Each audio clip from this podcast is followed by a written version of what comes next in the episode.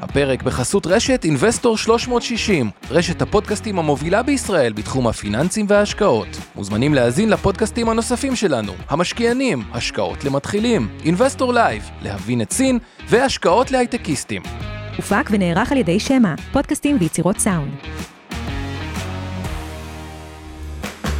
השקעות למתחילים אבנר סטפק ועומר רבינוביץ' עוזרים לכם בצעדים הראשונים בעולם ההשקעות.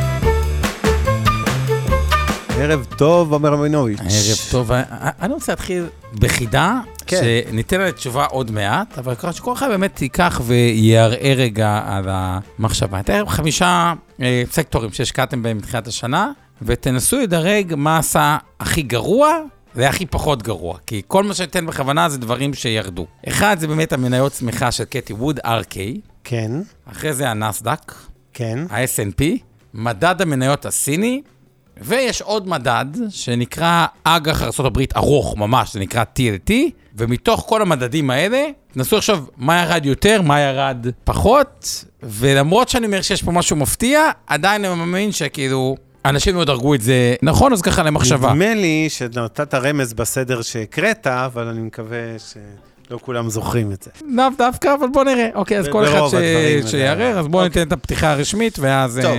אה, נתחיל מפינת המכפילים, כרגיל. אנחנו, זה המקום אולי להזכיר uh, כמה דברים לפני התודות, שאנחנו בעצם משנים קצת פורמט. אחרי uh, שנה וחצי, uh, שנה, כן, שנה וחצי כמעט של השקעות למתחילים בשעה שמונה, אנחנו מתמזגים ביחד עם המשקיענים, כבר, המתחילים הם כבר לא מתחילים, צריך להגיד בכנות.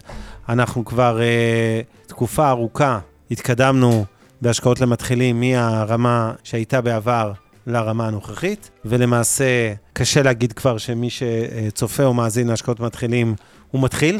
אה, אנחנו גם משדרגים קצת את הסדרה הזאת, ואנחנו מעלים פרקים חדשים במסגרת השקעות למתחילים, במקום פרקים שהרגשנו שהם ככה לא היו מספיק פרפקט מהעבר. אז אתם מוזמנים לעקוב אחרינו בערוץ היוטיוב, בכל הגוגל, ספוטיפ- ספוטיפיי, אפל וכולי, בפלטפורמות של הפודקאסטים. אבל כן להגיד, למי שרוצה ככה להמליץ לחברים על משהו שלהתחיל ממנו בצורה אה, מקצועית וטובה, זה ההשקעות המתקינים, זה פודקאסט שתפס, היו בו חצי מיליון האזנות, הוא טוב, הוא עדיין תופס. הוא לוגי, הוא עדיין תופס. זה אחלה מקום להתחיל ממנו, וספציפית למי שגם עוד לא צפה בו, יש פה כל מיני נושאים. ההבדל המרכזי שפה אנחנו יותר אקטואליה, ובהשקעות המתחילים זה היה יותר לוקחים נושא ומכסים אותו מא' עד ת'. יותר קורסי במהות. נכון, אז אה, זה הזמן רק להגיד קצת תודות למי שמלווה אותנו. אה, אורי טולדנו כאן איתנו באולפן. אה, יש לנו כמובן את הצוות הקבוע שלך, אורן ברסקי, עמי ארבי ואור חלמיש, שעוזרים לנו עם התכנים. יש לנו אה, תרגום לשפת הסימנים. שיר פלדמן האלופה כרגיל היא איתנו, אז היא עושה לנו היום את התרגום, תמלול, סליחה, תמלול. אני מתנצל. וכמובן, אנחנו משודרים גם אצל אור אריאל, האלופה האופטימית, משקיעים בדרך להצלחה כלכלית. יאללה, אז בואו אה, נתחיל אולי מפינת המכפילים, אפשר כבר לראות אותה על המסך. אה, נדבר טיפה על האקטואליה של השבוע האחרון. אה, איך עברו עליך השווקים? שוב, אני לא רוצה להישמע אופטימי, אוקיי? בגדול... אין סיבה להיות אופטימי, למה שתישמע אופטימי? זהו. אז זה לא לגמרי נכון, כי אני אתן לכם משהו שעשיתי עם כמה משקיעים השבוע. ואמרו לי, אומר, איך אנחנו, כאילו, מן הסתם מבינים שאנשים, שזה נכון לקנות בירידות, אוקיי? אבל התחושה של הרבה אנשים היא שאנחנו ממש לא אה, הגענו אה, לתחתית, אגב, שהיא תחושה מאוד מאוד נפוצה כמעט תמיד תוך כדי יריד, אה, ירידות, מה שנקרא, אל תנסו לתפוס סכין אה, נופלת וכו' וכו' וכו'. אבל עברתי איתם על מספר של חברות, ואני אתן לכם את הסדר של החברות ומה המספרים מראים. התחלתי מחברות כמו קיורי, שזה שוק של סטרימינג שהוא עדיין הפסדי, או Outbrain, אפשר לקחת שחלק מהישראלים מכירים. השווי שלהם הוא כמעט אפסי. כלומר, הם לוקחים את שווי החברה, מנקים את המזומן, אין כמעט שווי. כלומר, לחברות צמיחה, הפסדיות, השוק כאילו, it's a big no. כאילו, משחטה. משחטה. כן. אחרי זה עוברים לשלב הבא של החברות, שזה חברות כמו גוגל, שאין ספק, כדוגמה, אין ספק שהיא חברה טובה במהות שלה, טכנולוגית, יש גם הרבה חברות בתוך הפעילויות, שזה סוג של סטארט-אפים שלא יודעים בדיוק מה השווי שלהם, אבל אם אתה מסתכל על גוגל 2024, בהתאם לתחזית רווחים שלה, אתה כבר מכפיל 15. שזה לא יקר. בכלל לא יקר. בכלל לא יקר. וכשאתה הולך, כאילו, שזה כבר חברות אה, טובות, וככה אפשר להמשיך, יש עוד קצת חברות מכפילים יותר גבוהים, אבל הם באמת עם מודל עסקי מאוד מאוד אה, חזק. אז השילוב הזה של אין הרבה מה להעניש כבר, כאילו, חברות כבר נענשו מראש, כשאתה נותן שווי אפס לחברה הפסדית, כן. או מתחת לשווי המזומן, כאילו, במקרה של זה, אז כאילו, אין הרבה לאן לרדת. לא נשכח גם שחברות יכולות לרכוש אה, מניות של עצמם. עכשיו, בואו נראה מה עומד מנגד. רק כדי להגיד את התרחיש האופטימי. אחד, יש המון כסף בחוץ. כלומר, המזומן, לא רק כסף בחוץ אנשים העבירו לקרן כספית. גם בתוך הקרנות נאמנות המנוהלות, מחזיקים קאש, משתי סיבות. אחד אומרים, יהיה פדיונות, בואו נחזיק כבר קאש, שלא נצטרך למכור את זה ביום ירידות בצורה אגרסיבית, זה בפעם הראשונה. בנוסף לקאש שיש, קאש בחוץ, יש גם הרבה שורטים. שאם מתחיל גל עליות, איך שהם צריכים להתכסות, כלומר, לקנות את המניות. תופעה שנקראת short squeeze, כן, שבעצם אנשים שעשו, משקיעים, אז... קרנות גידור, מוסדיים, שעשו שורט על מניות בבורסות, ועכשיו מתחילים לאלץ אותם, או נאלצים להתכסות חזרה בעליות, ובעצם אה, דוחפים את המניות חזרה למעלה. אז תחת התרחיש, העונת דוחות הזאת הולכת להיות עונה סבירה. אולי גם הגדרה טובה, בין סבירה אפילו אה, לטובה. כן. לטובה. עם זה שיתחילו לקבל אינדיקציות שהאינפלציה, וכבר יש, כלומר, הרבה מדברים על זה שאוקיי, הנפט ירד מהשיא, הוא עדיין לא הכי נמוך, אבל הוא ירד מהשיא, תובלה נשחט. אפשר לראות את זה כן. יפה מאוד גם במניעת סים, שהיא פחות כאילו מכפיל רווח אחד כזה, כי מחירי התובלה ירדו, אומרים, טוב, היא לא תרוויח את מה שהרוויחה בעבר, בגלל זה נשחטה ועוד כל מיני דברים כאלה. נכון שיש לנו טיפת הרנטים, שהחידושי חוזים כנראה יהיו בריביות קצת יותר גבוהות, אבל גם שהאינפלציה, לפחות השוק אומר, אוקיי, מתישהו יגיע זה שהאינפלציה נרגעה. כל הדבר הזה ביחד, הוא בין היתר פתח, אם בכלל יהיה בפד שקצת פחות ניצי, אה, כן איזה שיכול להיות שאנחנו כבר בתחתית. כלומר... כן, אני רוצה להתייחס לשתיים הנקודות שאמרת, ולטיפה אה, לעשות זום אין אליהם, כי הן מאוד משמעותיות להבין את הסיפור הזה של... אה, אני לא אוהב את הדיון על תחתית דווקא, אבל על בהחלט מחירים אטרקטיביים בשוק המניות. האחד זה הנושא של פדיונות בקרנות נאמנות. אין כרגע כמובן פדיונות כבדים, התעשייה מגייסת סכומי עתק בקרנות כספיות, אלה קרנות שקליות אה, סופר, אה, כן. לטווחים קצרים מאוד, ושם נכנסים מיליארדים כרגע בכל חודש, הרבה מיליארדים אפילו הייתי אומר, אבל אלה לא משפיעים על שוק המניות, ואפילו לא, כמעט בכלל לא על שוק האג"ח, כי משקיעות במכ"מים וכל מיני השקעות מאוד מאוד מאוד קצרות. אבל בתעשייה המסורתית של קרנות הנאמנות, אה, יש פדיונות, לא גדולים מאוד, אבל יש פדיונות. היו חודשים כמובן קשים אה, השנה הזו, ויצא לא מעט כסף. והכסף הזה, אתם צריכים להבין, לטוב ולרע, כשנכנס כסף לתעשיית קרנות הנאמנות ותעודות סל, או כשיוצא כסף, וזה נכון גם בישראל, גם בעולם, זה אה, מרכיב שיש לו השפעה טכנית מאוד גדולה על שוקי, שוקי מניות. כי כשנכנס כסף, אנחנו חייבים לקנות מניות, גם אם נדמה לנו בנקודת זמן מסוימת ששוק המניות הוא מאוד יקר, וכמובן שיוצא כסף, וזה בדרך כלל בקורלציה אה, לא נכונה, זאת אומרת, יוצא כסף בתקופות של ירידות ומשברים, כי אנשים נכנסים לפאניקה ומוכרים קרנות נאמנות, ואז הקרנות בתורן חייבות למכור אג"חים, קונצרנים ומניות, וזה מה שראינו בחלק מהחודשים האחרונים. ומצד שני זה פועל הפוך כמובן לתקופות של גאות, הציבור נכנס לקרנות והקרנות חייבות לקנות. וזו נקודה שצריך להבין אותה, כי יש לה השפעה לא קטנה.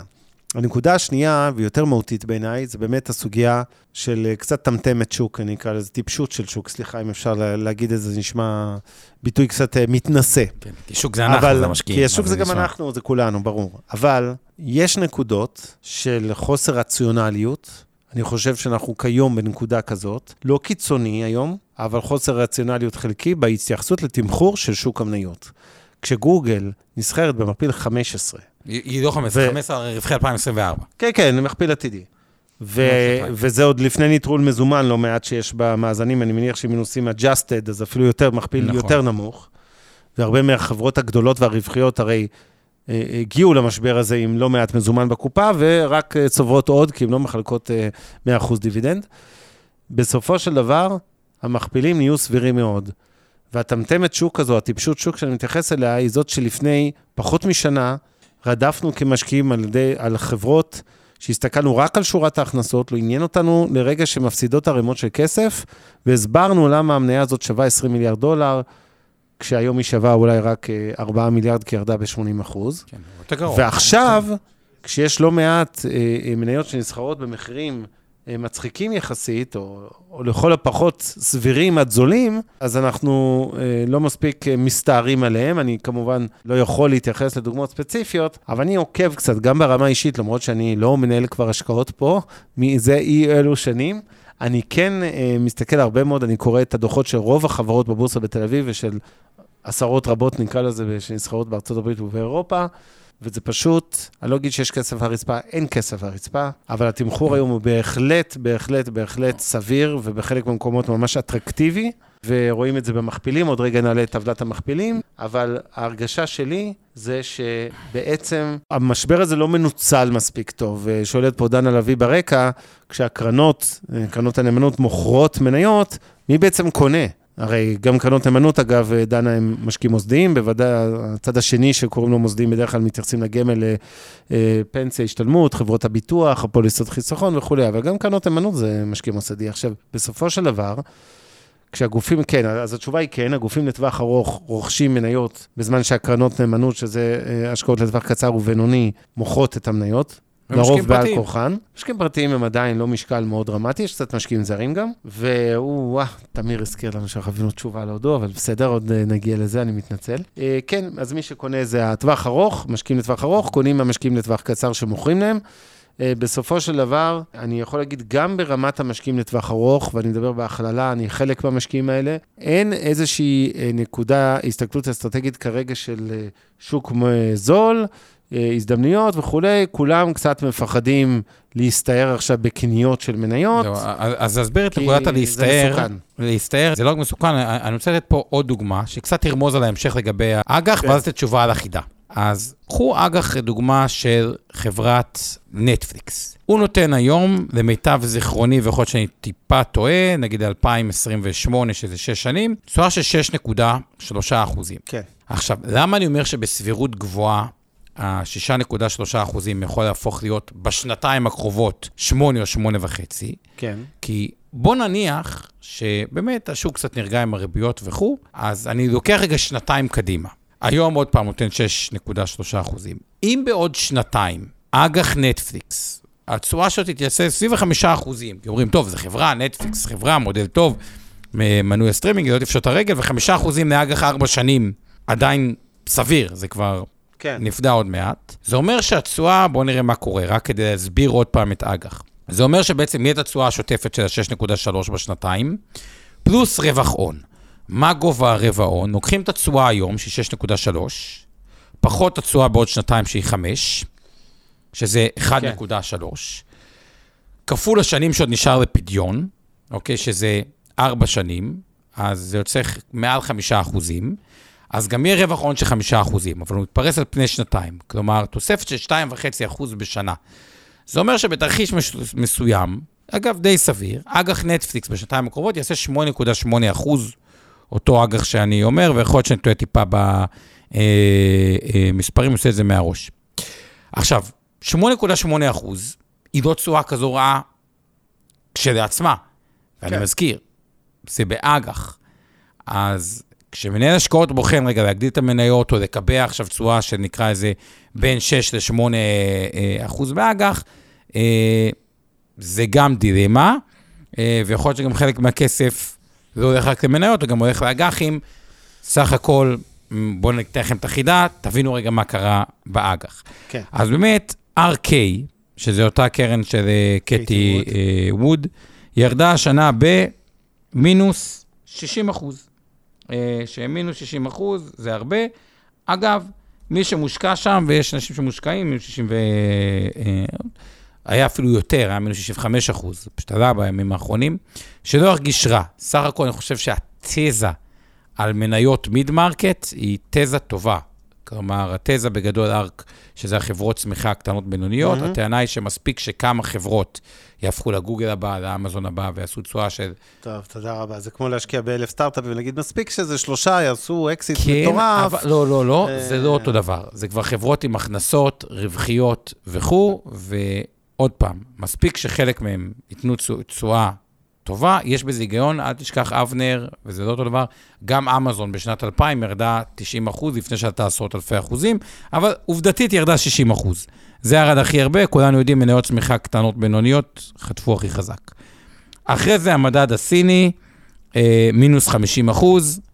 אה, נראה שהשוק קצת מתייחס לסין, לא רוצה להגיד בתור רוסיה, אבל זוכרים כבר גם שרוסיה הייתה הרבה שנים במכפילים זולים, אה, אבל נותנים משקל מלא למשטר שיודע להקצין עוד יותר, מכפילים מאוד זולים בסין עם אה, אה, סיכון המשטר. אחריו, וזה מה שמדהים, לפני הנסדק, שוב, אג"ח ארה"ב ארוך ל-30 שנה ירד מינוס 36 אחוז, שזה קיצוני. אה, וזה הפסד שלא רוצה להגיד שהוא טיפשות או טמטום או, או, או, או, או מיותר, אבל את המילה מיותר כן אפשר להגיד, כי זה גם נאמר פה הרבה פעמים בפודקאסט, יש פה קשר לוגי. קונים נכס ל-30 שנה שנתן תשואות מגוחכות של 2%, זה, זה, זה לקחת סיכון אדיר. כן. אה, בשביל זה, אחרי זה הנסדק ואחרי זה ה-S&P. כלומר, אג"ח ארה"ב הארוך ירד יותר מהנסדק וה-S&P, מדדים אה, אה, מובילים. וזה רק אומר, בעולם ההשקעות, רגע, מה שאני רוצה כאילו להתעכב עליו שנייה, צריך, לה, אה, חלק מהדברים זה במה לבחור, וחייבים לקחת סיכונים. אה, אין, ולתפיסתי, חשיפה למניות, זה, לוקחים סיכון וולטיליות, אבל אין איך להימנע מזה. שוב, תוחלת חיים עולה, אנחנו רוצים לחסוך כסף, אבל יש סיכונים שעדיף להימנע מהם, ובאג"ח בריביות אפסיות, שהתשואות היו נמוכות, זה ממש היה דוגמה לסיכון כזה, ו, אה, אה, וחבל. ועכשיו אנחנו נראה לתפיסתי, יכול להיות שנראה בתוואי, את ה overshooting ההפוך. מה הכוונה? אנשים ירגישו מרומים, כל מיני קרנות נאמנות שהשקיעו באג"ח, כן. איבדו אותם, לא כי התשואה הפנימית כבר לא טובה. ראינו דוגמת נטפליקס, זה נשמע נכון. טוב, כי פשוט היה פער ציפיות מדי, זה כמו בזוגיות, לפעמים שאומרים, אם היה פער ציפיות, היינו כן. מתגרשים, כן, כן, אז כן. להתגרש זה קשה, יש ילדים, אבל בהשקעות להתגרש זה ללחוץ על כפתור.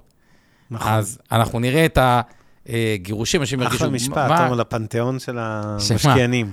אז... אה, שלהתגרש ממניה זה רק ללחוץ על כפתור ולמכור. אז אה, זה, אז אנחנו נראה, יכול להיות overshooting של גירושים, שזה עוד יותר יחמיר את האג"ח, ואז באמת תהיה שם הזדמנות. בארה"ב כבר התחיל הגירושים, התחושת אה, פער הציפיות היה גבוה מדי. כן. אתם יכולים להבין ארצות הברית ירד ב-36 וגם האג"ח קונצרני ארוך ירד מספרים דומים, אנשים מרגישים אה, לא כן, טוב. נ- ו, אה, ובישראל היו ירידות יותר, אז עוד לא ראינו את גם פערים אה, מתרחבים, ולכן אני עדיין לא בטוח שהסיכון באג"ח הוא, הוא מוצדק לקחת חשיפה מלאה, למרות מה שאמרתי, כי, כי, כי, כי אני חושב שיכול להיות שעוד בשיחות סוף שנה עם יועצי ההשקעות, עם יוביסים, אנשים כנסו להלם מכ- מכמה זה ירד. אני ממש מסכים עם ההבחנה שלך, ואני רוצה לחדד. יש טעות טיפוסית בהסתכלות של משקיעים על שוק האג"ח. במניות כולנו מבינים שזה עסק עם סיכון. ואנחנו יודעים לצפות שעם כל זה שלטווחים ארוכים, שוק המניות עושה 8, 9, 10 אחוז לשנה, כן.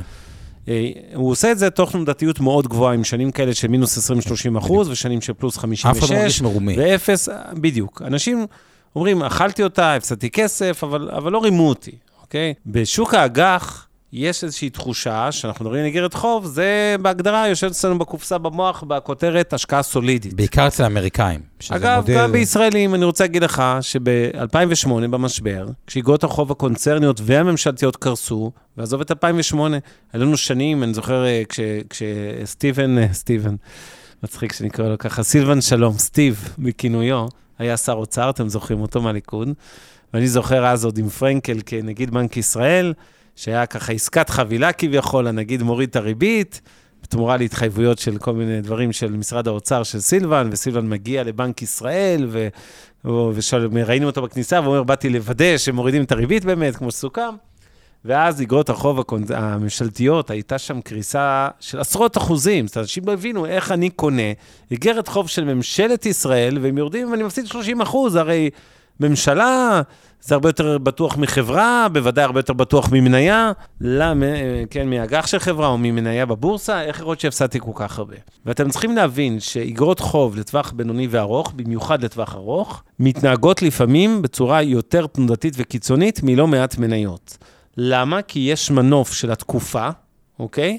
כל עליית ריבית, עלייה בתשואה לפדיון של אחוז, באיגרת חוב ל-20 שנה, אוקיי? אם קניתי איגרת חוב ל-20 שנה, זה אומר שהמח"מ שלה הוא בערך 10 שנים, אני מעגל. זה אומר משך חיים ממוצע של איגרת חוב הוא ל-10 שנים, גם אם ההשקעה עצמה היא ל-20.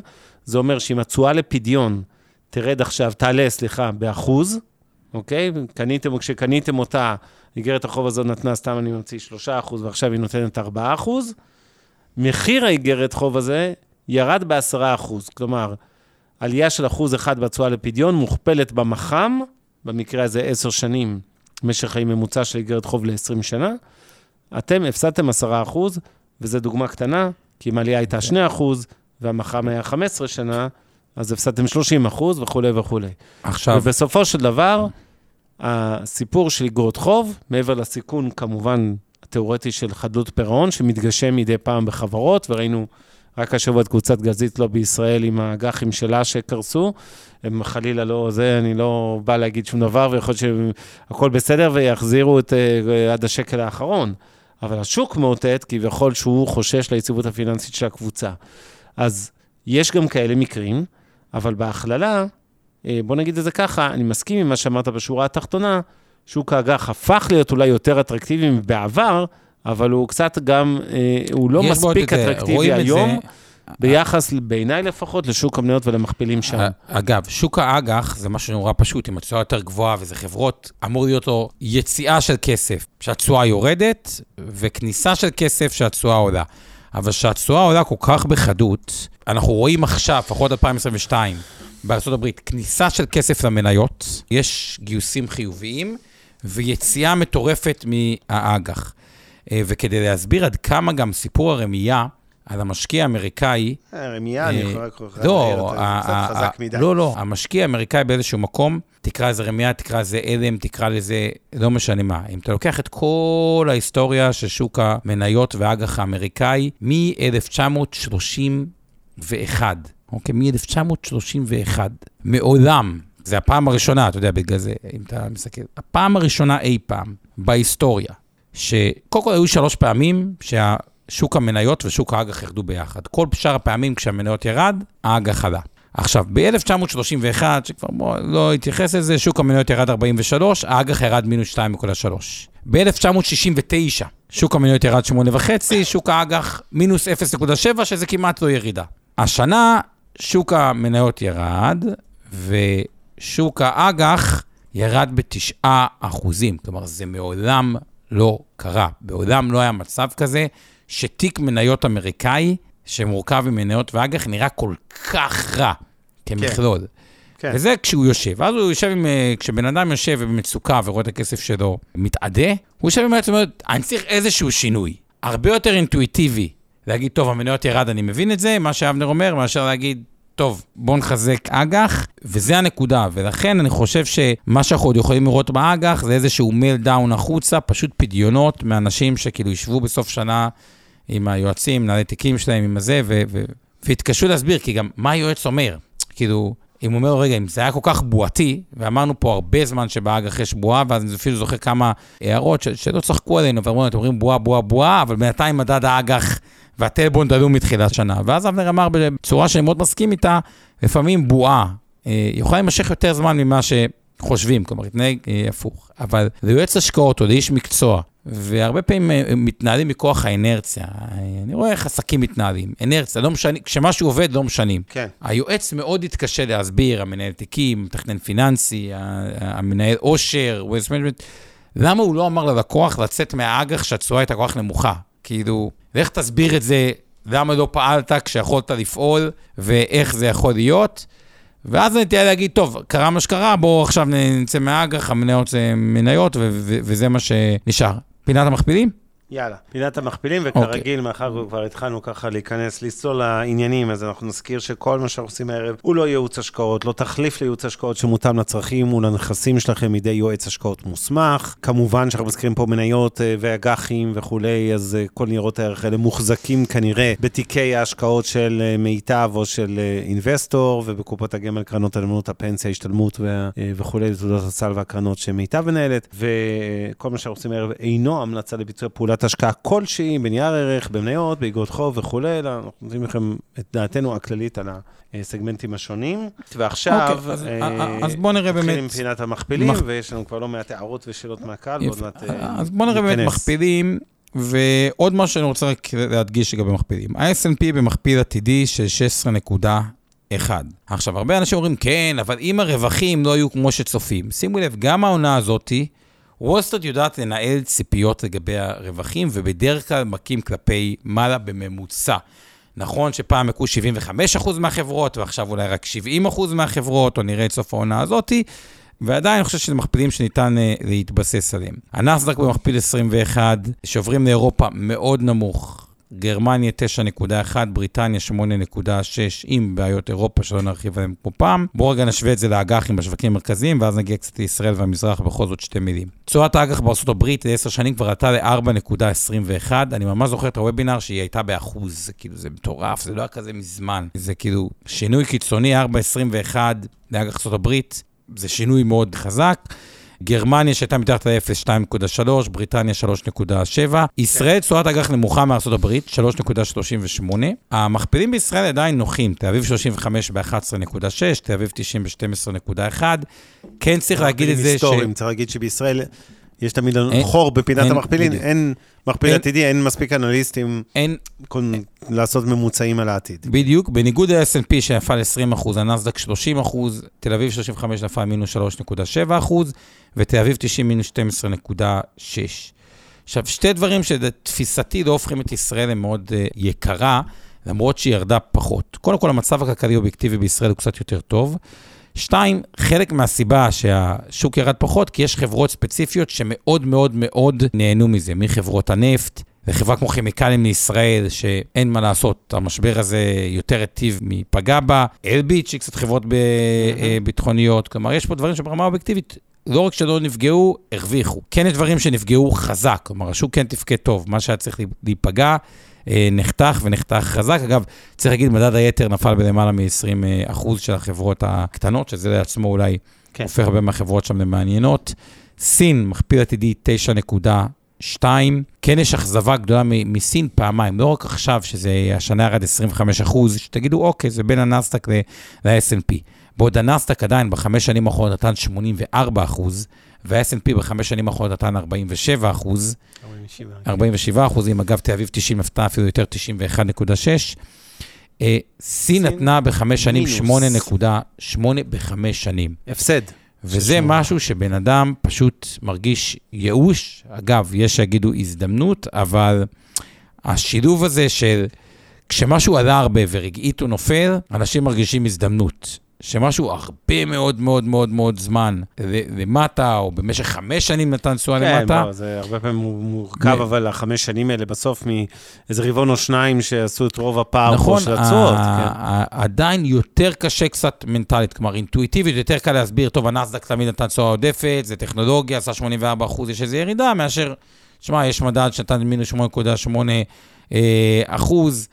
גם תזכרו את זה, בסוף עולם ההשקעות, ודווקא פה, אני חושב שזה משפט מאוד חכם, שדווקא דיברנו עליו בהשקעות למתחילים. ואני רוצה לחזור עליו. צריך לזכור, זה היצע וביקוש, וצריך להבין איך הסיסטם של עולם הפיננסים עובד. אה, וקל לראות את זה דרך קופות הגמל וההשתלמות במדינת ישראל.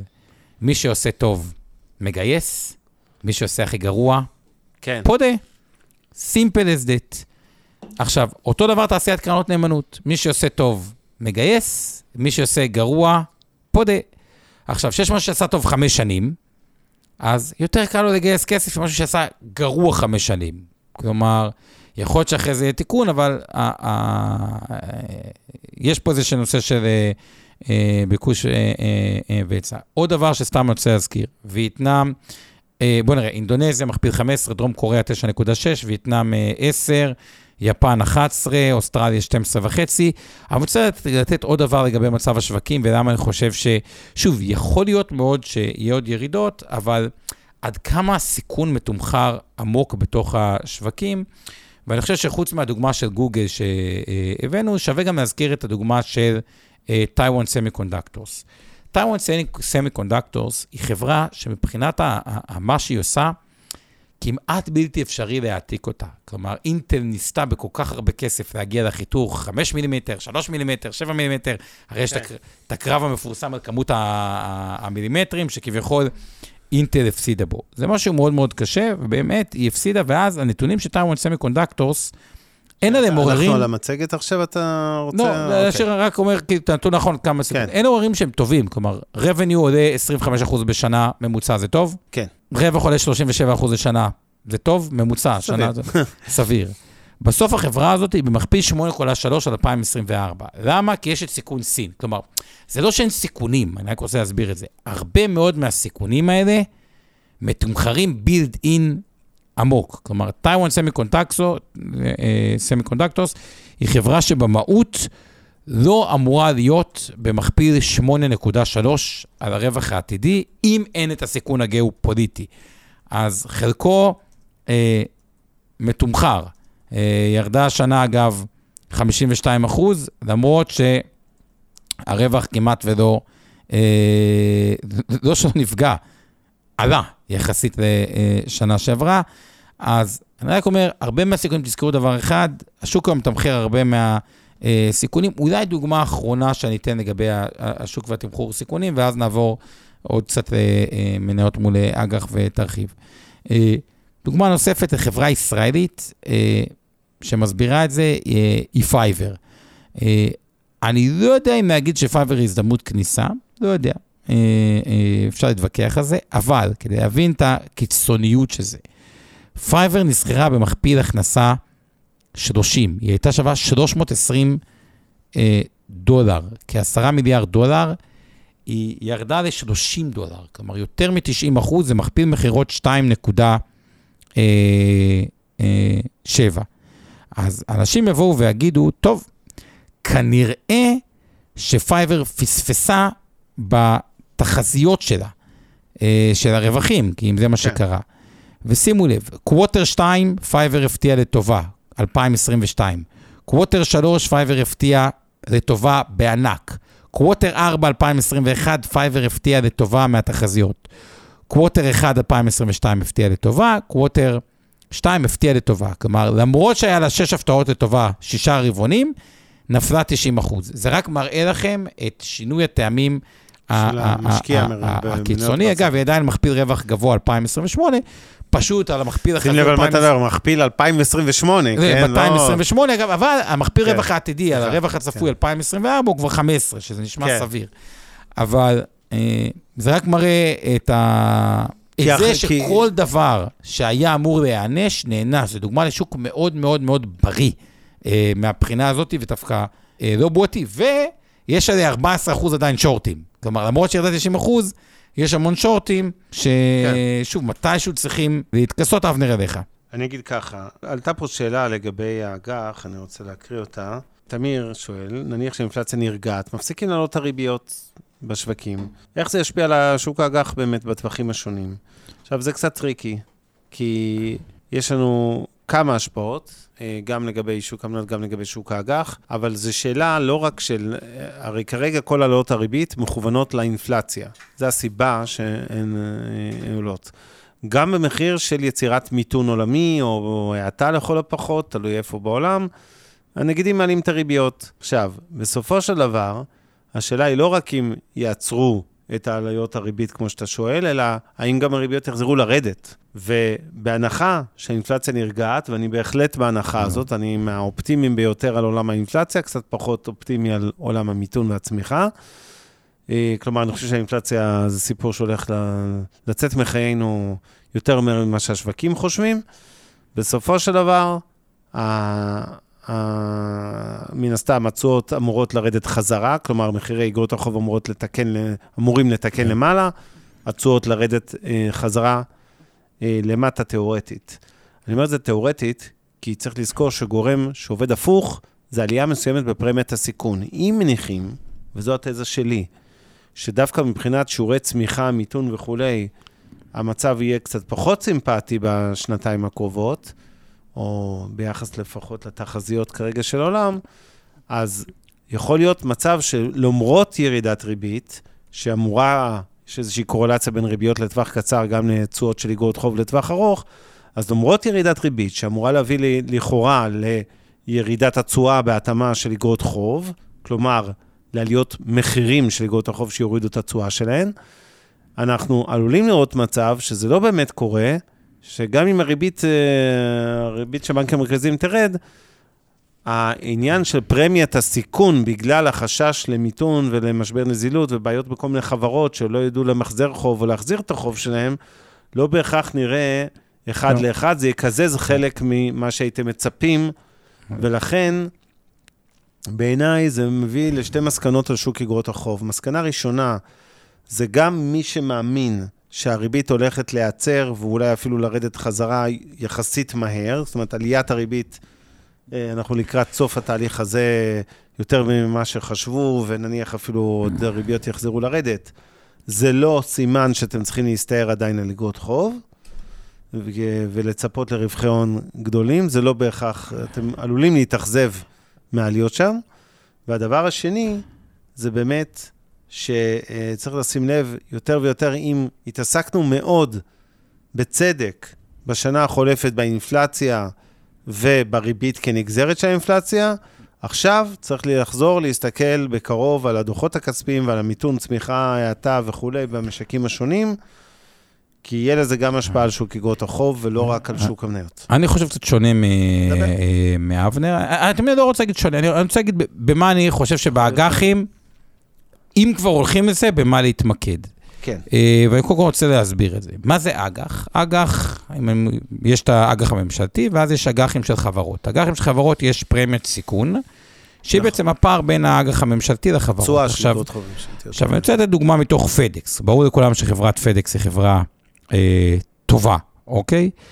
אבל הפרמיית סיכון של אג"ח פדקס לשנת 2044 ו-20 שנה, כן. היא יותר גבוהה מהפרמיית אה, סיכון של פדקס ל-2034. כלומר, למרות שאג"ח ארה"ב, נגיד 10 שנים ו-30 שנה, תצאו זה, למה? כי אומרים, טוב, 20 שנה, אפילו עם פדקס, שזו חברה מאוד יציבה, לך תדע כביכול, מה יהיה? 10 שנים יש יותר אה, אה, ודאות. אני חושב שככל שהאג"ח מתקצר, הפרמיית סיכון אותות, בדרך כלל, מה זה, זה, זה לא חושב, זה עובדה. ככל שהאג"ח מתקצר, הפרמיות סיכון אותות לרדת. כי מן הסתם אומרים, רגע, אפל ל-30 שנה, אני לא בטוח מה יקרה, אבל אפל לשנתיים, די מתייחסים אליה בדומה לאג"ח מדינה. כן. Uh, והטווח הזה של אנשים, קל להם לראות חמש שנים קדימה. ככל שעוברים שבע, עשר, עשרים, קשה. ולכן אני חושב שהתמקדות באג"חים היום של חמש-שש שנים, והנטפליקס, לא סתם הבאתי אותו בתור דוגמה, נטפליקס זה 6.3 ושש שנים, תבינו רק, נטפליקס ל-2024 שנתיים נותנת 4.8, כלומר, השוק לא רואה סיכון כלשהו, או סיכון אפסי לזה שנטפליקס תפשוט הרגל בשנה וחצי הקרובה, ב-2024. ולכן, אני חושב שמי שיקנה, כדוגמה, ואני לא מתייחס לנייר ספציפי, וזה רק דוגמה להמחשה. ואותו אג"ח של שש שנים יכול להרוויח פעמיים. אחד, תשואה שוטפת 6.3 כדי עצמה, לקבע אותה, היא לא כזו גרועה.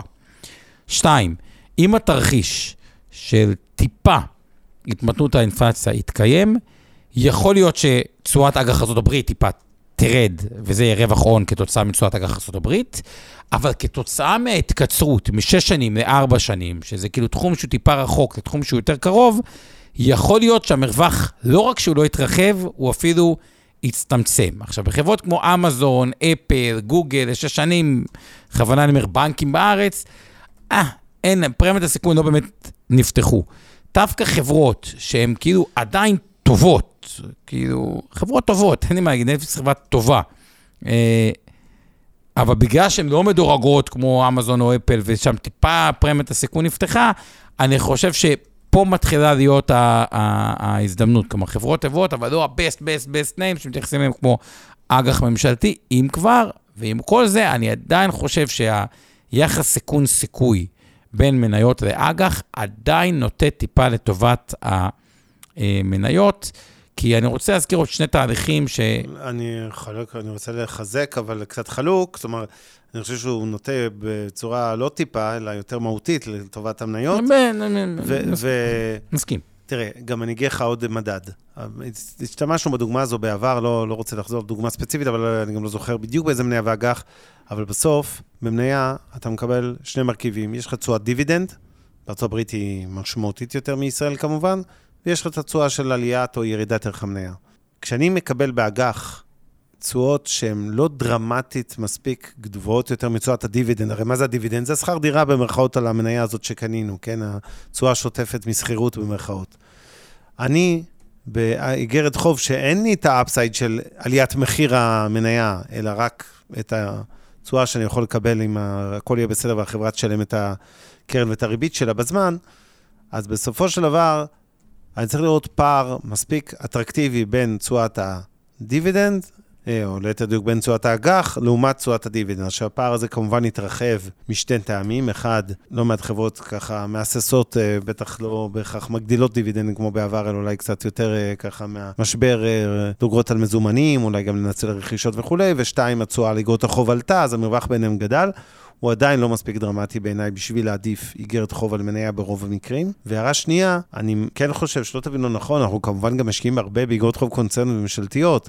בסוף זה, בתיקים מסוימים זה אפילו אולי חלק קרי אה, של התיק. אבל עדיין אני מעדיף את האגרות חובה, נקרא לזה לא הג'אנק בונדס ולא ה-yield, לא אלה לטווחים ארוכים מדי עם תשואות גבוהות תיאורטית, כי אלה גם יודעים לחטוף הרבה בכיוון ההפוך, אלא אגרות חוב לטווח, נקרא לזה בינוני יותר, לקבל תשואה סבירה, אה, לא להתחכם, אני מדבר על דירוגים גבוהים עדיין, כי אני קצת כן, מוטרד אבל... מהמיתון נכון, העולמי. אבל תנסו, לא, לא, אג"ח בינוני, לתפיסתי, דירוגים גבוהים, אבל לא ה-best best names. יש חברות שהן כמעט קצת יותר קטנות, קורא לזה פרמיית החברה קצת יותר קטנה. כן. אין מה לעשות. בהגדרה, בנק לאומי, בגלל שהוא brand יותר טוב, יקבל, ייתן תשואה יותר נמוכה מחברה ברמת סיכון דומה, שהיא פחות super brand, נקרא לזה, ופה הסיכון, הסיכוי, לדעתי, יש עוד איזשהו גידור, כי פשוט קונים תשואה יותר גבוהה.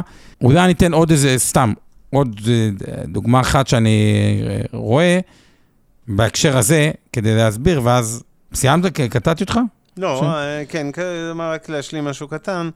אני חושב שעל שוק האג"ח, אז הוא בהחלט הרבה יותר אטרקטיבי ממה שהיה לפני חצי שנה, שנה, אבל עדיין, אני לא מסתער עליו, שוק המניות הפך להיות... יחסית לשוק האג"ח, בעיניי בשורה התחתונה, משמעותית יותר אטרקטיבי. זאת אומרת, שניהם יהיו יותר אטרקטיביים בהגדרה כשאנחנו קונים ברמות מחירים אחרי ירידות, אבל המהלך של שוק המניות והירידות שם והרמות אה, מכפילים החזויות, גם למישהו שקצת יותר מפחד מצמיחת משק כלכלה עולמית אה, מהמקובל, עדיין בעיניי שוק המניות, באופן יחסי לשוק אג"ח, הפך להיות יותר אטרקטיבי ולא פחות.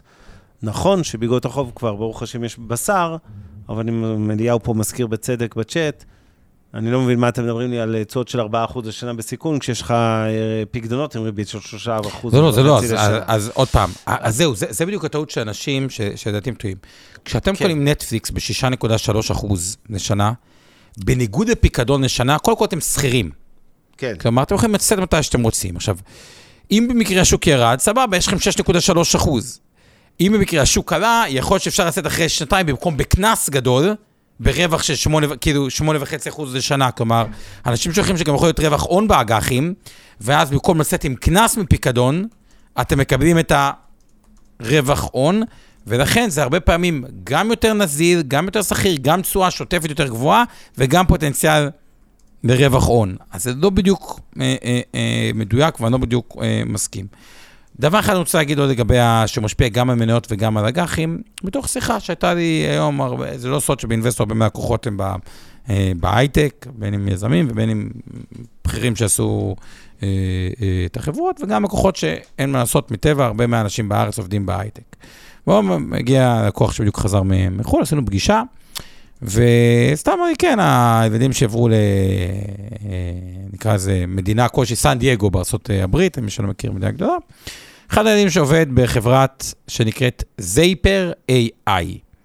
מה החברה עושה בגדול, ואיך זה קשור ומשפיע על האינפלציה? היא בעצם עושה סוג של AI, שיכולה להגיד לך, כל בן אדם מבחינה רפואית, אה, מה, לפי הגנום שלך, לפי הדאטה שלך, יש לך יותר סיכוי לחלות בסרטן, יש לך יותר סיכוי לחלות בזה, זה יותר מתאים לך, זה פחות מתאים לך.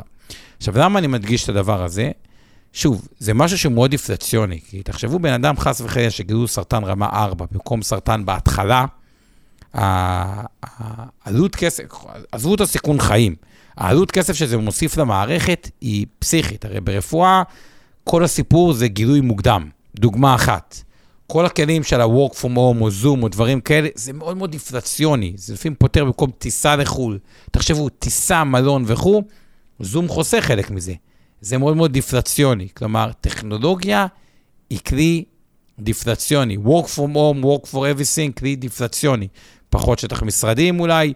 שוב, זה לוקח טיפה זמן, כי בינתיים החברות אומרות, ואני רואה הרבה פעמים חבר'ה שנפגשים איתם, משרדי ענק, הם אומרים, רגע, אולי נגדל, רוצים לקבע שטח, אבל לא מנוצל, כאילו, הרבה פעמים זה ריק, מגיעים לשממה. אה, אבל כל הטכנולוגיה, מעבר עבודה מהבית, או, או שימוש יותר נכון בדאטה, או שימוש יותר נכון ב-AI, או בכלל database ים של חברות, שנהיים יותר, בנויים יותר נכון, טכנולוגיות חדשות, יש עדיין, התזה הדיפלציונית של העולם, שטכנולוגיה מובילה לדיפלציה, היא עדיין פה. כלומר, רק אני, היא נשכחה כאילו, כי, כי, כי היו הרבה זעזועים ביחד. הדבר היחידי שהעולם לא יודע להתמודד איתו, עם יותר מדי זעזועים בו זמנית, שזה דוגמה לקורונה, פלוס פלישה לאוקראינה, פלוס מתיחות בין ארה"ב לסין וריב פסיכי על השבבים, אבל הוא יודע להתאים את עצמו מאוד מהר. אז ייקח קצת זמן, הוא ידע להתאים, ואם משנים שרשראות אספקה מלייצר בסין ללייצר בתוך ארצות, בסדר, אז ייקח שנה להקים את המפעל, אבל די, בסוף זה מתייצב ומוסיפים לשם טכנולוגיה. יש גם הרבה כוחות דיפלציוניים בעולם, זה לא רק כוח אינפלציוני. ואז, השאלה של מי שאמר, למה לקחת פיקדון? לקבע, אם האינפלציה תרגע ויורידו ריביות, לקבע תשואה של 6.3, זה הרבה יותר עוצמתי מלקבע תשואה לשנה של 4. כן. אני מבין, בסדר. בכל מקרה, אני רוצה להתייחס קצת להערות הקהל פה. כן, בוא נתחיל לסכם. עוד לפני סיכומים, קודם כל אנחנו חייבים תשובה, שמע, תמיר כל שבוע ואנחנו שוכחים אותו. הראינו טבלת המכפילים, הראינו את המכפיל בהודו, אתה זוכר פרמיית הסיכון המפורסמת, שבהודו הפוכה מכל המקומות האחרים מבחינת תשואת אג"ח, נדמה לי הייתה 7 אחוזים וחצי. אחוז, כן. נכון, ותשואת שוק המניות הגלומה היא נמוכה יותר. איך יכול להיות שאג"חים בהודו נותנים יותר מזה. אה, אז בוא תתן את ההערות אחרות, ועוד שנייה אני אענה בצורה מסודרת. אני רוצה פשוט לבדוק איזה משהו קטן לגבי זה. כן, זה כבר יגיע. יש לי משלחת גדולה של מיטב בדרך להודו, אז אני גם, אחרי זה אני אביא לא מעט רשמים אה, שלהם משם, אבל עוד רגע נענה לזה. לגבי, דני מעיר על אה, שאלה איזה אינפלציה ואיזה מיתון יהיה בארצות הברית. יכול להיות שגוגל, שהזכרנו קודם כדוגמה עם מכפיל 15, היא נראית זול, סביר, זול אפילו אולי עכשיו, אבל תהיה יקרה עם נתוני מיתון. אז אני רוצה להגיד משהו בהקשר הזה, שדווקא יש שני מרכיבים שיכולים לפעול לטובת הגוגלים של העולם. אחד... אין הרבה גוגלים בעולם, יש אחד. לא, לא, הכוונה, החברות הגדולות האלה שנסחרות במכפילים נמוכים.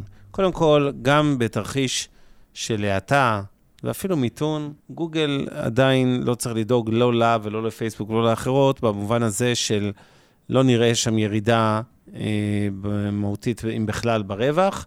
אולי התמתנות בקצב עליית הרווחים. ודבר שני, כל עולם המיזוגים והרכישות שעוד לא נכנס לפעולה של ממש דרמטית, אני חושב שזה הגל הקרוב של החצי שנה, שנה הקרובה, יהיו לא מעט עסקאות כאלה. נכון שגוגל היא יותר תחת העין הרגולטורית של הגבלים עסקיים, אז לא, לא בהכרח שהיא יכולה לקנות, יש גבול גם מה היא יכולה לקנות, אבל בגדול, מסע רכישות שעוד יהיה פה, אה, בעיקר של החברות הגדולות שקונות קטנות ובינוניות, וקצת מיזוגים גם בין קטנים ובינוניים. יכול לשפר מהותית את הרווח ולתרום למדדים ולשערי המניות לא מעט, וזה אה, אה, רווחים עתידיים שאתם לא רואים בעיניים היום כשאתם מדברים על מכפילים, כי אף אחד לא עושה מכפיל תיאורטי של שתי חברות שהתמזגו, אבל השתיים האלה כשהם התמזגו, משאיר, מייצרות אה, סינרגיה גדולה מאוד של הוצאות, חוסרות הרבה כסף, מרוויחות יותר כסף, אוקיי? הלאה, אסנת שואלת, האם אה, הראלי של הימים האחרונים הוא בעצם מה שקוראים מלכודת דובים? אני אזכיר לכל מי שלא יודע, מלכודת דובים זה כביכול ש... לרגע יש איזו תקופה ככה של עליות ואנחנו מסתערים על השוק, אבל בעצם זה רק היה עוד איזה בליטה חד פעמית בתקופה של ירידות חדות. אני יכול להגיד את דעתי, אבל... כן. דעתי לגבי הריאלי בשוק טובים. אני, אני אומר היום ללקוחות שבאים להתייעץ איתנו באינבסטורים, מתכננים, כאילו שואלים מה ה-house view, גישת הבית. אז אני אומר את הדבר הבא. יש סבירות שתיכנסו לשוק המניות במחיר יותר נמוך, אבל מי שנכנס היום בשוק המניות, כנראה שהוא עשה עסקה טובה. מה הכוונה? אבסולוטית, כניסה היום היא צעד מרוויח. כלומר, כנראה שתסתכלו שלוש עד חמש שנים מהיום, תהיו ברווח נאה. האם בדיעבד יכולתם לקנות את זה בשער קצת יותר נמוך?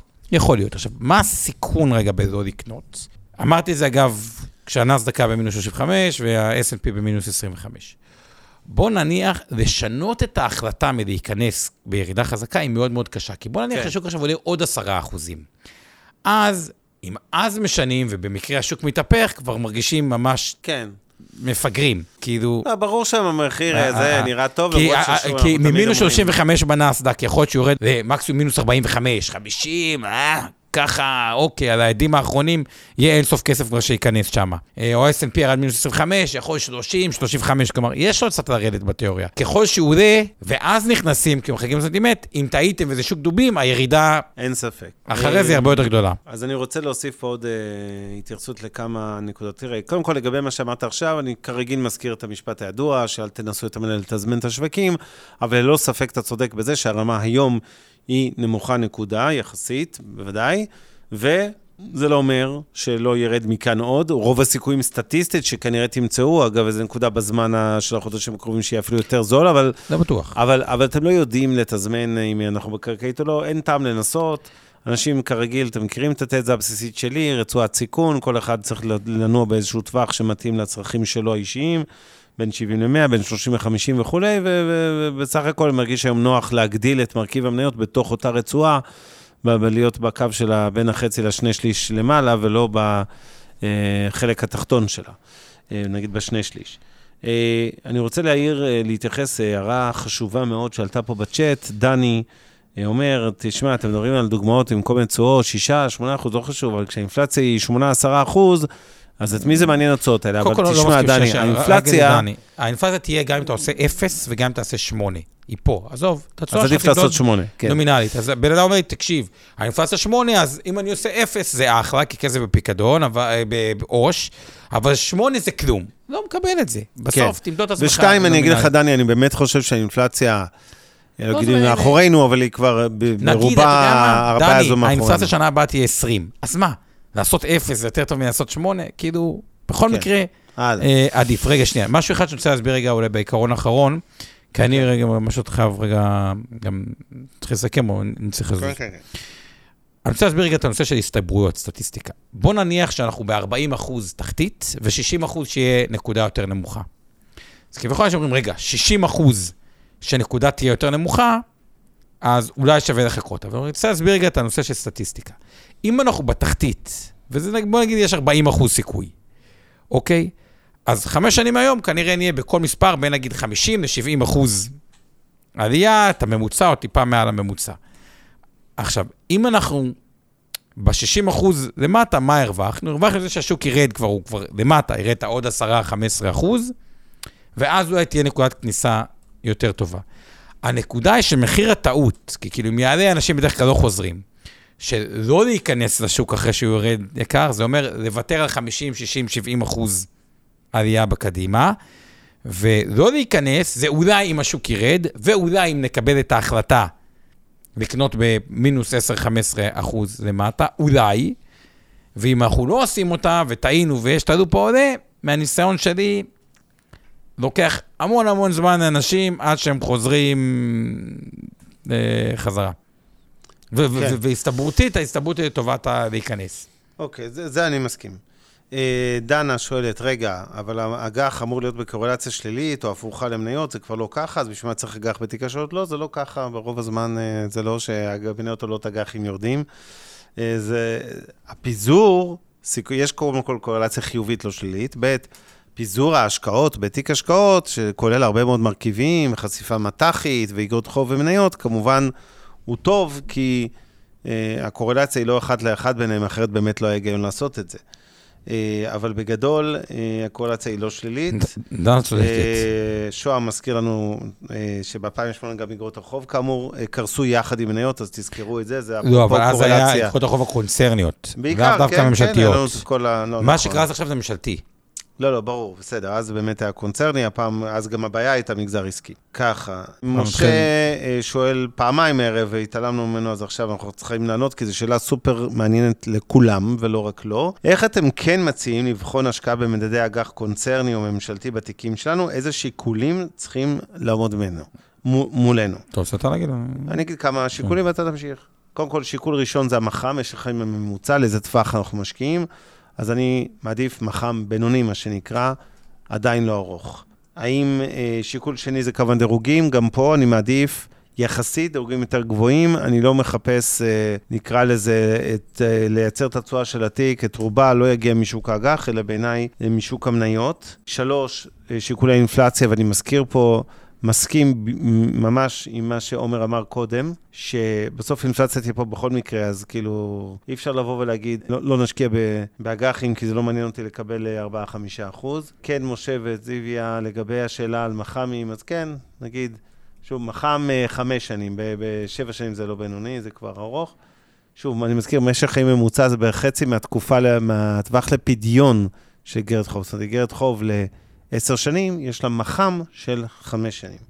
משך חיים ממוצע, כי היא משלמת כסף כמובן לאורך התקופה, כבר מהשנה הראשונה, תלוי באיגרת חוב הספציפית, אבל דוגמה. אז אלה השיקולים. אני רוצה לתת אה, דוגמה פרקטית, אוקיי? כן, כדי שזה יהיה, ושוב, לא לא המלצה, לא כלום, לא ייעוץ, לא כלום, כדי להסביר, אוקיי? עכשיו. כן, להסביר. ניקח חברה שהיא לא סוב, כאילו, היא ברנד חזק מאוד, אבל היא לא בנק לאומי, ניקח את כלל ביטוח לצורך העניין. כן. אוקיי, אג"ח ל-6.73 שנים, כלומר מח"מ בינוני פלוס, אבל עדיין 6.7 זה לא ה-20 שנה, 15 שנה, 30 שנה, נותן היום 4.61. עכשיו, יבוא בן אדם ויגיד, שקלית 4.61, וקבע תשואה שקלית 4.61, סבבה לי. כאילו, מבחינת שיקול היא תשואה שהיא, אג- אגב, האג"ח ירד 13 אחוז, זה מה שהביא את זה. ואז הוא אומר, אוקיי, אם האג"ח תרד, אני לא אמכור, קיבלתי את ה-4.61, אבל יש לי אופציה, אם הריבית במדינת ישראל, ככל שיעבור הזמן, הרי ככל שהאג"ח תתקצר, ניקח שנתיים מהיום, שלוש שנים מהיום, האג"ח הזאת תיתן תשואה שהיא דומה לפקדונות קצרים. כי כאילו, מן הסתם אומרים שש שנים זה הרבה זמן, שנה מהיום, אף אחד לא חושב שחברת ביטוח תפשוט ככל שהוא מתקצר. ואז זה בסך הכל, עכשיו למה אני אומר ארוך? כי ארוך לוקחים באמת גם סיכון מחה מסוים. אז השיקול המרכזי הוא שאתה קונה אג"ח או קרן עם התשואה הפנימית, במקרה הזה כלל 4.61, אתה בא ואומר, וואלה, מספיק לי לקבל 4.61 שקלי, אני חי עם זה טוב. יכול להיות שזה קצת ירד, יכול להיות שיהיה לי רווח הון מאוד מהותי.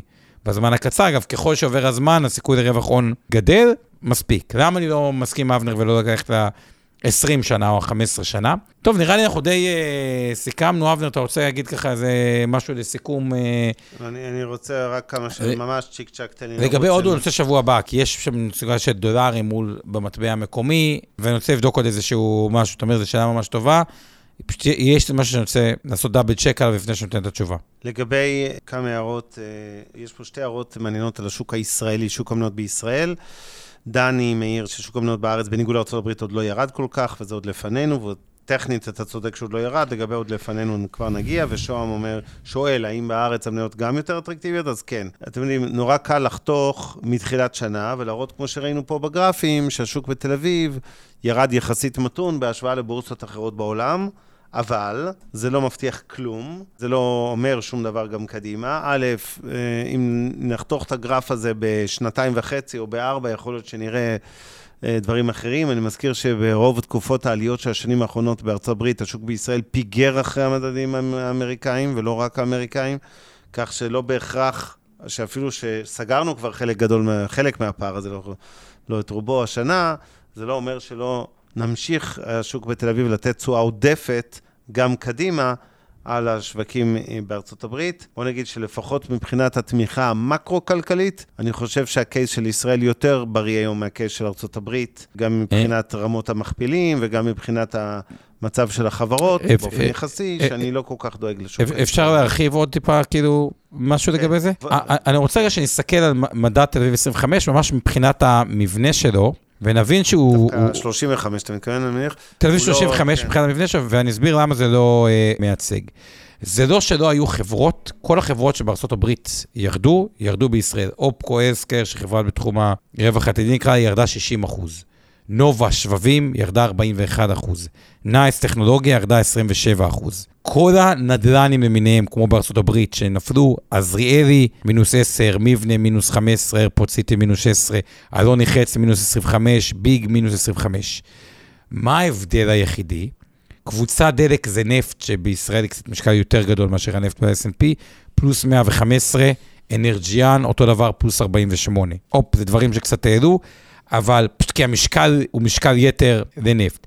אלביט מערכות, חברה ביטחונית, פלוס 33, או אורמט, זה כאילו אנרגיה ירוקה, פלוס 30, אז יש פה אה, דברים ש-ICL, כמובן, פלוס 10. כלומר, יש פה חברות שברמה האובייקטיבית, זה, זה לא מה ש, שלא היו מניות שחטפו חזק. יש מניות שהן במשקל, סקטורים ספציפיים של משקל עודף ב, ב, בישראל, שפחות עברו משקות, כן. וזה הסיבה, ולכן לא בטוח שזה לא יעלה, כי עדיין גם יש את המשקולת כן, של זהו. הנדל"ן שנשחט, של הטכנולוגיה ש, שנשחט. זה קשור גם ל, ל, להרכב המניות, שהיום בארצות הברית הוא יותר מוטה לטכנולוגיה ו... ברור. הרכב המדדים, לא חשוב, אני מסכים איתך.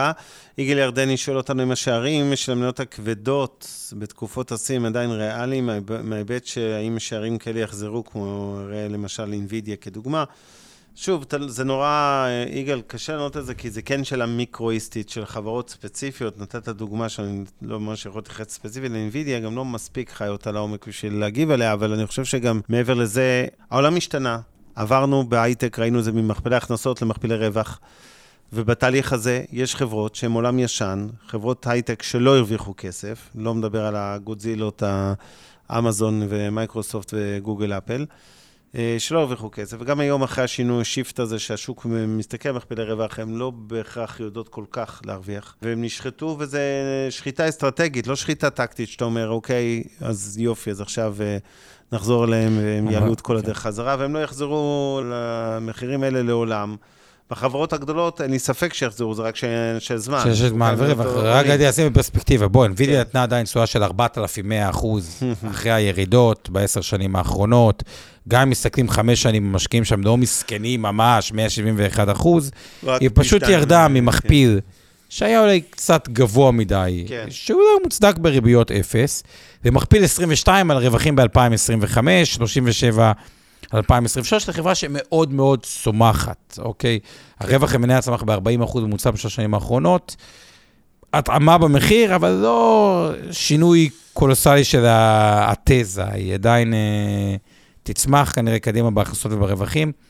אה, אתה רוצה לענות לתמיר לסיום על השאלה ההודית שמלווה אותנו לא, כבר ה- איזה שלושה שבועות, ה- ואנחנו לא הודו, אני אתן לך רק את השיקול, השאלה אם התשואה היא... למה בהודו תשואות האג"חים הם כ-7.5% לשנה, בעוד שהתשואות הגלומות אז- בשוק המניות נמוכות משמעותית, בשונה מכל העולם, מכל העולם, סליחה, ששם המצב הוא... קודם כל, הציפייה. לגידול ברווח בהודו היא הרבה הרבה יותר גבוהה. נכון. ב', השאלה השנייה שאני צריך, זה מה שעושה הדאבל, אה, הדאבל צ'ק, האם מדובר על התשואה במטבע ההודי או במטבע דולרי? כי הרבה פעמים כשמדובר במטבע המקומי, הצפי הוא לגידול מאוד מאוד גדול ברווחים, כן, בגלל שיש אינפלציה. גבוהה. כן. סתם דוגמה, אחת המ- המדינות שהיה את הקפיצה הכי גדולה בשוק המניות היה איראן לפני כמה שנים, כי הייתה אינפלציה 400 אחוז, אז ברור שרווחי החברות עלו, כי כן, אבסולוטית הם עלו. אז האג"ח נסחר בתשואה גבוהה, והרווחים טסו. אז יש פה קשר, בגלל זה אני רוצה לבדוק האם זו תשואה דולרית או במונחי מטבע. הודי. ואז ככל שהאינפלציה יותר גבוהה, יש מצב שברור שהרווחים יעלו דרמטית יותר גבוה, ותשואת אג"ח כן יש איזשהו היגיון שתהיה יותר גבוהה. זה הפשט, אבל אני אבדוק שבוע הבא ואענה, אבל אני גם... Thank you very much לכולם, אנחנו אורזים את הערב הזה, מודים לכם שהייתם איתנו כרגיל, כיף לנו, אנחנו, אתה יודע, מתקרבים עוד מעט, עוד כמה חודשים, אנחנו כבר עושים את זה שלוש שנים, התחלנו ממש כן, בתחילת הקורונה. שלוש שנים. ואניברסרי, כן. תגידו, מזל אז- טוב לאבנר היה יום הולדת. לא, למה אתה מזכיר את זה? אני שונא יום לפני הולדת. כמה למה? ימים. היה לי יום הולדת, מי זה? אני וביבי נולדנו באותו יום. באמת? כן, 21 לעשירי, מה אני אעשה? לא כל אחד יש לו את המזל. אה, רגע, רגע, בכל זאת, מזל. מילה אחת על הבחירות, למה אתה חושב שהפעם זה שונה? תן את זה ממש, אבל. בתזה קצרה. איך שכחנו כזה דבר, בשבוע הבא. גם זה. למה הפעם זה שונה? קודם כל זה לא דרמטית שונה, ההשפעה תהיה מוגבלת, אבל תרחיש של תיקו, שמשמעותו שיתוק ממשלת מעבר ואי העברת תקציבים, ואתם תגידו, רגע, אבל מה אכפת לך מהתקציב? היה פה ממשלת נתניהו שלוש שנים לא הצליחה להעביר תקציב, עכשיו אתה פתאום מודאג שמי לא יעביר תקציב? אז אני אגיד, כן, הפעם אני מודאג, כי כשהשווקים בצמיחה באופן כללי ובחיוב, נכון שהיה גם באמצע את הקורונה, אז, אז דווקא טוב שאין תקציב במובן הזה, שאתה אומר, רגע, ההכנסות ממיסים הלכו וגדלו, כן. נכון? בזמן שקיבענו את ההוצאות של הממשלה ברמות הנמוכות יותר. פעם, אם חלילה העולם יגלוש למיתון של ממש, ולא איזה מיתונון או איזה אתונת, אז העניין הזה שאין לך תקציב, פתאום הופך להיות יותר מסוכן, נכון? כי אנחנו מקבלים ברמה יותר גבוהה את צד ההוצאות של זה, כן. ובצד זה ההכנסות אולי תהיה פגיעה. אז במובן הזה, אני חושש ש... בוא נגיד, סיטואציה של תיקו, שאי אפשר להעביר תקציב, היא היא סיטואציה של ניצחון לאחד משני הגושים, ניצחון מובהק נקרא לזה, לא קשקש. זה גוש הימין, אין, גוש השמאל לא ינצח.